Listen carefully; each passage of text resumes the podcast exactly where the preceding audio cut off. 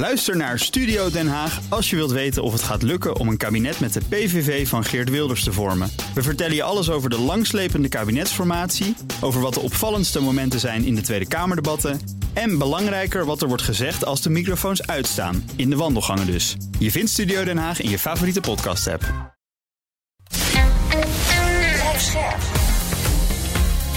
BNR Nieuwsradio. Boekenstein en de Wijk. Hugo Reitsma. Welkom bij Boekenstein en de Wijk. Het is vrijdag, dag 548 van de oorlog in Oekraïne. Rob, wat zie jij aan het front gebeuren? Twee dingen. In de eerste plaats natuurlijk het uh, succes van Oekraïne uh, bij Ropotine. Uh, met name en nu ook, laten we zeggen, ten, ten zuidoosten van die stad wordt behoorlijk huisgehouden en worden nieuwe veroveringen gemeld. Wat Novo denk ik het allerbelangrijkste is. is veroverd. Ja, exact. Maar wat denk ik een belangrijk punt is is dat er allerlei mededelingen komen dat uh, de, de Russen nu bezig zijn met laterale verplaatsingen van hun troepen. En die komen uit die, die Gerson-oblast. kortom, ze zien dus wel dat er dus nu echt iets aan de hand is en dat ze wat moeten doen. Nou, nogmaals, je moet ook goed naar de kaart kijken. de, dit succes is groot, maar het is een tactisch succes. De strategische implicaties zijn nog onduidelijk. Strategische implicatie betekent dus dat ben je in staat om op te rukken naar het zwaartepunt van deze oorlog, het center of gravity, de Krim. Het antwoord is nee, want daarvoor eh, zit je echt nog te veel te krabben aan de buitenkanten van het uh, door Rusland bezette gebied. Maar dat dit een tactisch succes is en een opsteek is een ding dat zeker is. Maar nu, je moet ook kijken wat er helemaal in het oosten gebeurt. Hè. De Russen die uh, zeggen nu uh, dat ze Sinkivka hebben uh, ge, ehm, veroverd, of heroverd zou je eigenlijk moeten zeggen. Dat ligt in de buurt van Kupiansk. Ja. En daar gaat het dus met de Russen helemaal niet zo slecht. Dus wat je dus niet moet doen op dit ogenblik is alleen maar kijken naar die veroveringen van uh, van Oekraïne en de successen die ze boeken ten zuiden van Orient geeft. Maar je moet ook heel goed kijken, en dat is echt even interessant hoor, vind ik, wat er op dit ogenblik gebeurt in het oosten. Uh, en waarom dat gebeurt in het oosten. Dat is echt een heel stuk verwijderd. Echt een paar honderd kilometer van wat er in uh, Origev uh, gebeurt. Het is echt bijna in het uiterste noorden van het oostelijk bezette gebied van, van Rusland. Ja, ik kijk daar met, met heel veel belangstelling naar van wat daar gebeurt. En het doel daarvan kan niet anders zijn op dit ogenblik, is om zoveel mogelijk van die Donbass in handen te krijgen. Om ervoor te zorgen dat, als het uiteindelijk tot onderhandelingen komt, dat je echt daar je punt kan maken. Ja, ja.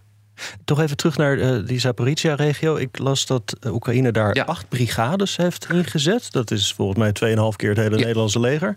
Op de, op de ja. Russische Telegram-kanalen zoomt het rond over inzet van grotere inzet van uh, Oekraïns materieel.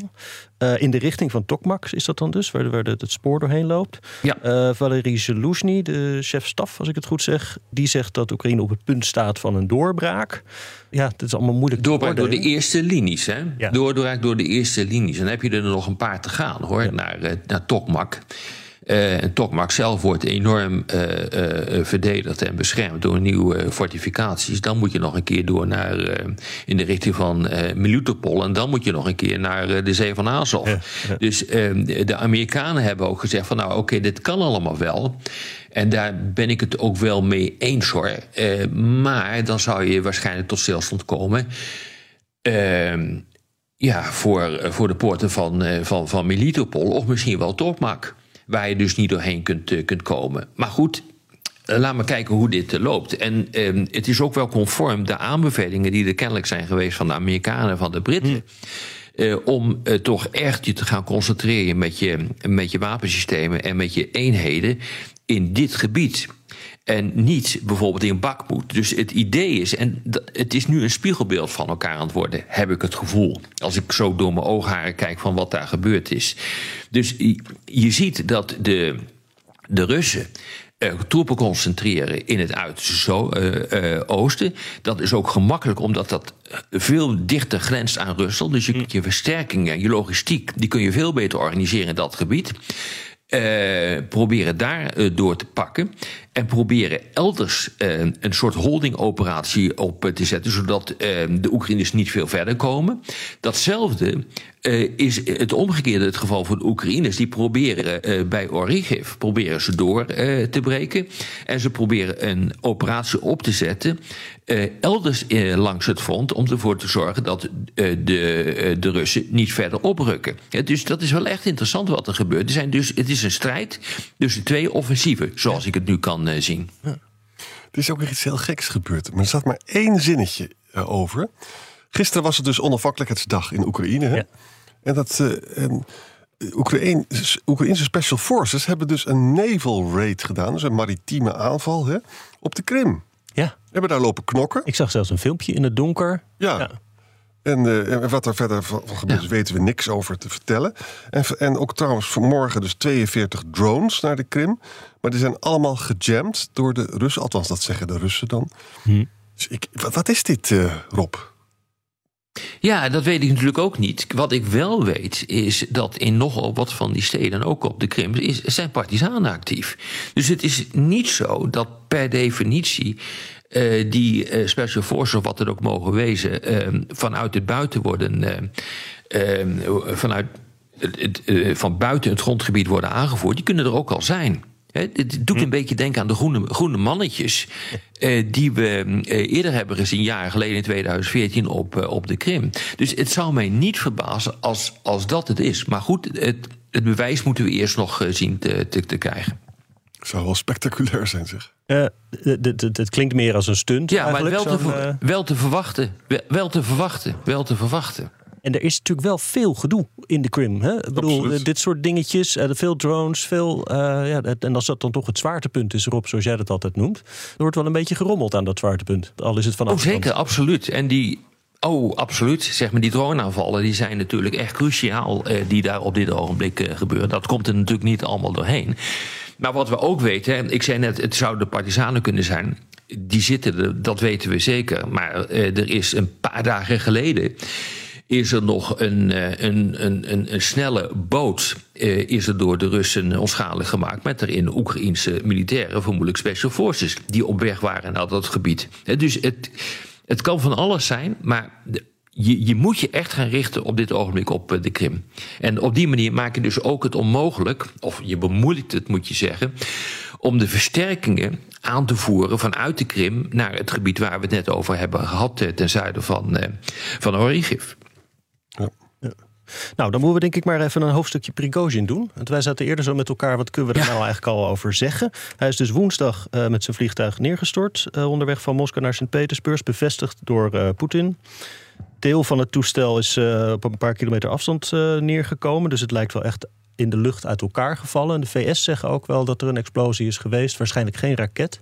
Ja. Maar, Experts zeggen dat ze die, dus het idee van een bomexplosie aan boord is het meest aannemelijk. Dat is de leading theory, zeggen ze. En de tweede theorie, maar die is veel minder, is adulterated fuel. Dat je dus met de, met de kerosine hebt gerommeld. Hè? Ah. En, maar is, er is geen indicatie van een surface-to-air missile. Want was, het was die theorie, dus een landgoed van uh, Poetin, oh, vlak bij de meren de daar. Daar staan SS-300, dat gekund. Maar Amerikanen schijnen dus ja, elke... Dat bijna niet. Elke raket uh, kunnen, uh, kunnen de Amerikanen zien. Met die, dat, dat hebben ze dus uitgesloten nu. Ja. En verder, het feit dat het exact op hetzelfde moment gebeurt dat Surovikin wordt ontslagen, wordt dan gezien als een. Op dezelfde dag, hè? Ja, dat er toch een. Uh, er is system in die anarchie. Om een die werd gezien als bondgenoot nou van. Ja, uh, dat zou, dat zou kunnen. Ja, dat zou, dat zou natuurlijk kunnen. Maar weet je, kijk, als je dat met een raket probeert te doen. Ja, dan is het natuurlijk helder wie erachter zit. Ja. En nu kun je dat altijd in het midden laten. Uh, nu kun je gewoon zeggen: ja, dat was Oekraïne die die bom heeft uh, geplaatst. Dat, dat, kun je, dat kun je gewoon zeggen op dit ogenblik. Of het waren de Amerikanen, de CIA die heeft dat uh, gedaan. Of nou, ga zo maar door. Het is dezelfde discussie die je dan voert, die we destijds gevoerd hebben over, over Nord Stream wie zat daar nu achter? Dus je moet ook gewoon kijken wie er belang bij heeft. Nou, het is evident dat Poetin een belang heeft. Maar Oekraïne heeft ook een belang. En de Amerikanen hebben bij wijze van spreken een belang. Uh, het, uh, het ministerie van uh, Defensie. En de legertop van Rusland, die hebben een belang. Dus er zijn een hele hoop landen die daar belang bij hebben. dus het belang van, laten we zeggen, Oekraïne en, en Amerika. Waarbij ik echt absoluut niet zeg, zeg ik maar even zeer nadrukkelijk, dat die erachter zitten. Maar het belang daarvan is om shit te trappen in Rusland. en het belang van de, de leiding in Rusland is om ervoor te zorgen dat. Uh, de eenheid bewaard wordt en dat je dus niet uh, meer in staat bent uh, om uitgedaagd te worden door mensen als Surovikin en, en Prigozhin. en wat dat betreft zijn twee belangrijke pijlers, die zijn dus nu gewoon van het verzet, die zijn opgeruimd. En de interessante vraag is natuurlijk, wat, wat is de impact hier nou van op de oorlogvoering? Hè? En ik ben daar een beetje sceptisch over. De zware, de zware wapens moesten ze al inleveren. Ze, ja, waren, ja. ze waren al versplinterd. Het is ook zo dat de, die Wagner-jongens waren goed in aanvallen bij Bachmoed, maar niet zo goed in defensie. En defensie is natuurlijk heel erg nodig. Hm. Met uitzondering van Kupiansk natuurlijk. Ja, ik weet het niet hoor. Uh, ik denk dat het, ik denk dat het geen, geen effect heeft. Ja, ik, ik ben het met je eens. Ik denk ook dat het geen effect heeft. En realiseer je die Shurovikin, eh, die dus, die dus relatief succesvol is geweest in Oekraïne, die zit mogelijk al vanaf juni in de bak. Uh, nou, dan is nu uh, uh, Prigozhin aan, aan de beurt. Maar die Wagner is ook al een tijd niet meer actief in, in Oekraïne. En tegelijkertijd zie je, en ik denk dat dat het allerbelangrijkste is, dat de, de top, dus Poetin, Shogui en Gerasimov, die, hebben zich, die hebben zich herpakt. En die hebben hun positie versterkt. En dat is denk ik heel erg belangrijk. Want realiseer dat er een tijd ook een uh, discussie is geweest over een, een, een, een, een mogelijke vervanging van Shogui. En dat was volgens mij ook, en dat blijkt nu ook inderdaad te, te zijn, maar dat was mijn inschatting toen je die, die mars naar Moskou zag dat Shogun vervangen moest worden. En dat schijnt ook mm. inderdaad zo te, zijn, te zijn geweest. En je ziet dus nu ook dat dat gevaar geweken is door allerlei andere uh, uh, en door het naar. Ja, en dat creëert ook een probleem naar, voor naar de zijlijn schuiven van een aantal sleutelfiguren. Want weet je, het interessante is dat Poetin is, heeft, staat natuurlijk aan de geboorte van Wagner ook. Hè. Het is heel duidelijk mm. dat Prigozhin was ook zijn man, hè, omdat hij namelijk zijn eigen instituties niet vertrouwt. Mm. Poetin heeft niet zoveel reden om de ministerie van Defensie geheel te vertrouwen, omdat ze er ook mm. een puin op van maken. En dat betekent dus nu is Poetin weer helemaal getrouwd met Gerasimov en Shoku. Mm Wist je trouwens dat Shoku heeft ook een eigen Klopt. militie, hè? Redut, Redux of zoiets. Ook zo, ook zo gezellig. Oh. Dat kan in Rusland allemaal. Nou ja, ja. Ik, ik vind, en dat moeten we eh, denk ik in de toekomst toch wat, wat meer uh, nog gaan uitdiepen. Uh, dat, dat hele gedoe met die private militaire uh, bedrijven die actief zijn. Dat is aan de ene kant is dat heel handig voor, uh, voor Poetin, omdat uh, alles wat sneuvelt bij de private militaire bedrijven, uh, die worden niet meegeteld in de verliezen. dus het is statistisch gezien is het ontzettend handig om te doen. Hij kan door, met die private militaire bedrijven kan die ook ervoor zorgen dat een soort verheer, verdeel en heers ontstaat binnen het front tussen bijvoorbeeld Kadirov en Prigozhin en, een aantal andere uh, uh, leiders. Uh, dat verstevigt zijn machtsbasis, maar tegelijkertijd moet je ook constateren als dat ehm, eh, gebeurt en een leider wordt te succesvol zoals Prigozhin, dan gaat hij een bedreiging vormen en dan gaan ze eisen stellen. Nou, dat is precies wat er nu gebeurt. En ja, weet je, ehm, Wagner is niet de enige. Je hebt ook nog Convoy. Ja. dat opereert vanuit de Krim. Dat is van, van Sergei Aksionov. En uh, dat is een oud Wagner-commandant. En de, het idee bestaat nu ook dat uh, uh, ex-Wagner-militairen nu gaan overgaan, nu overlopen naar andere private militaire ja, ja. bedrijven. Gazprom, die, ja, het is toch onvoorstelbaar een bedrijf, die vecht met Potok. Dat is een private militaire bedrijf van Gazprom in Oekraïne. Daar hebben Kadirov, ik heb hem net genoemd valt formeel, technisch onder de Nationale Garde, maar knokt er eigenlijk op uh, voor eigen rekening. Ja, eh, ik, ik denk dat dit ook de zwakte van het systeem uh, ja. aantoont hoor. Ja. Heb je dat commentaar van Vladimir Poetin gehoord of, over het overlijden of het vermoorden van Prigozhin? Dan zegt hij van: het was een hele getalenteerde businessman. Hij had wel een moeilijk lot. Ja. dat is toch ook Shakespeare, hè? Ja, ik zou hetzelfde hebben gedaan. Ja, maar ik zou hetzelfde hebben gedaan. Ik zou, uh, ik zou tranen met uiten huilen over het verlies van uh, Prigozhin... en daarmee de aandacht afleiden van mij... Uh, en ik zou aansturen op een onderzoek dat, dat aantoont dat dit een ongeluk was. Dat gaat natuurlijk gewoon gebeuren. Of dat, of, dat, of dat het een buitenlandse mogelijkheid is die een bom heeft eh, geplaatst. Moet je maar opletten wat er gaat gebeuren. Er zijn de me in. echt niet verbazen hoor. Dat in één klap eh, bekend wordt. Nee, de CIA die zit erachter. Nee, Oekraïne zit, uh, zit erachter. Nou, als je afpelt in, uh, in wie er belang bij heeft, dan zou dat dus in theorie zou dat kunnen. Ik denk dat dat, ik denk dat, dat uh, on, on, on, ja, dat dat een, een, een, een fake verhaal is. Ik denk dat uh, de kans dat Poetin hierachter zit, ook gezien de traditie die hij heeft van het, uit, uh, van het vergiftigen, dan wel uit, het, uit ramen gooien van tegenstanders, dat dit echt past in het rijtje. Maar ja, in die, in die hele informatiewereld die, daar, die door Poetin wordt gecontroleerd, ga je dit waarschijnlijk krijgen hoor. Het commentaar. Prigozhin is een man die veel belangrijke resultaten heeft behaald. Maar hij heeft ook een aantal hele serieuze vergissingen begaan. ja, geweldig. Wat zou dit uh, kunnen betekenen voor de positie van Wagner in Afrika? Nu de grote man er niet meer is. En ook die andere, uh, Oetkin, medeoprichter, die zat ook in dat toestel. Weet je, er gaat om zoveel geld daar. dat ik denk gewoon dat het ministerie van Defensie zijn eigen mannetjes daar neer gaan zetten. Want er wordt gewoon heel veel geld daar verdiend. Ja, dat is ook zo. Nou ja, we realiseerden, een van de redenen waarom uh, Prigozhin met zijn vliegtuig weer terugkwam naar Rusland was dit.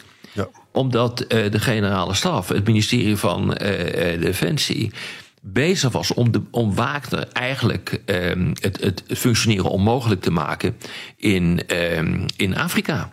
En die wilden daar ook een eind aan maken. Die hele, dat hele Afrika, dat, dat, dat moest van de kaart verdwijnen. Althans, wat Wagner eh, betreft.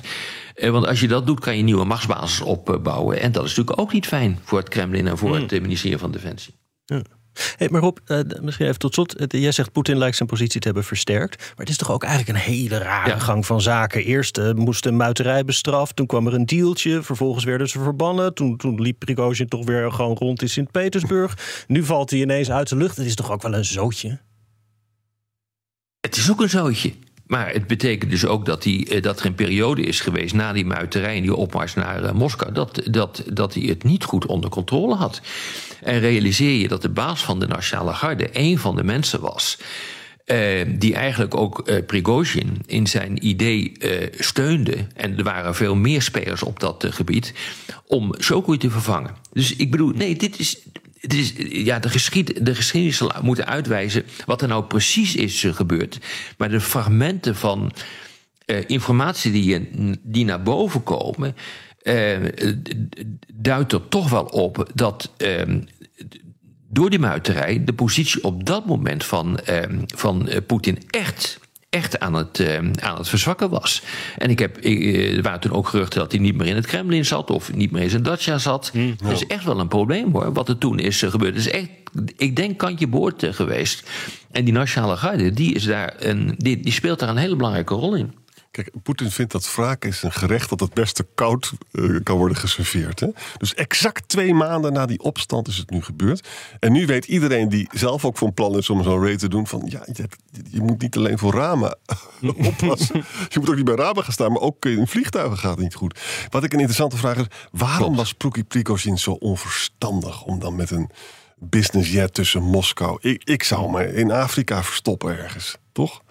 Maar ja, maar dat kon dus niet, omdat de aanval, de aanval van uh, het, het, Russische ministerie van Defensie, als ik het tenminste goed begrijp, en met de kennis van nu uh, dat reconstrueer, uh, die was de aanval begonnen op Wagner in, ja. in, in, in Afrika. Dat moest ontmanteld worden. En dat in Moskou dus, had hij ook besprekingen erover gehad. Hij was geld aan het verliezen. Hij was ook aan het adverteren met lagere salarissen, 1500 dollar in plaats van 2500 mhm. dollar. Dus hij had te weinig geld.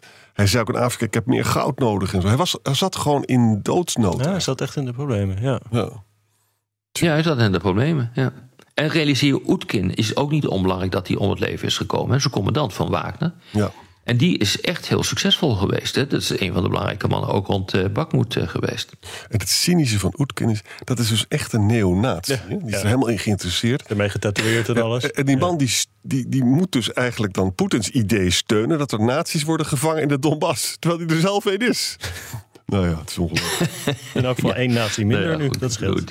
Dank jullie weer voor vandaag. Tot morgen. Tot morgen. Graag gedaan. Bij BNR ben je altijd als eerste op de hoogte van het laatste nieuws. Luister dagelijks live via internet. Bas van Werven. En heel langzaam komt de zon op rond dit tijdstip. Je krijgt inzicht in de dag die komt op BNR, het Binnenhof in Nederland en de rest van de wereld. De Ochtendspits. Voor de beste start van je werkdag. Blijf scherp en mis niets.